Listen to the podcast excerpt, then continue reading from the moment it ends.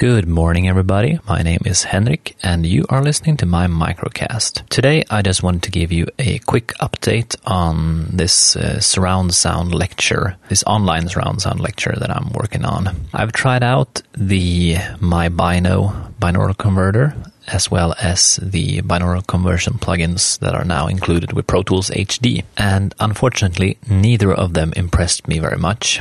The resulting binaural stereo files that they produced suffered from the same thing that I think a lot of binaural recordings suffer from. And that is the fact that you do get the sense of things being behind you, but not in front of you. They're just more or less behind you. So that didn't impress me, and I think I will move on with the lecture.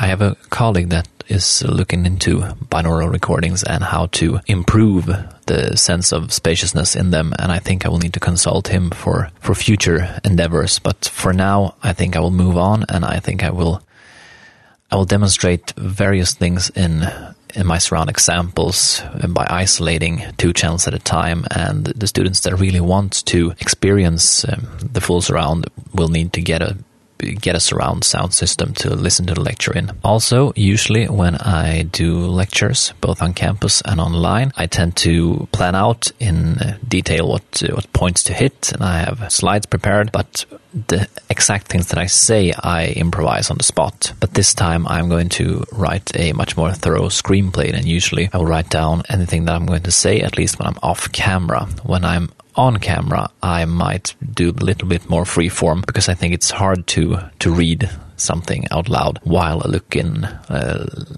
looking spontaneous. So that lecture is moving forward, and I think I will be done with it in a few weeks as I planned. That will be it for today. I will be back another day with something else. Okay, thank you for listening. Have a good day. Bye.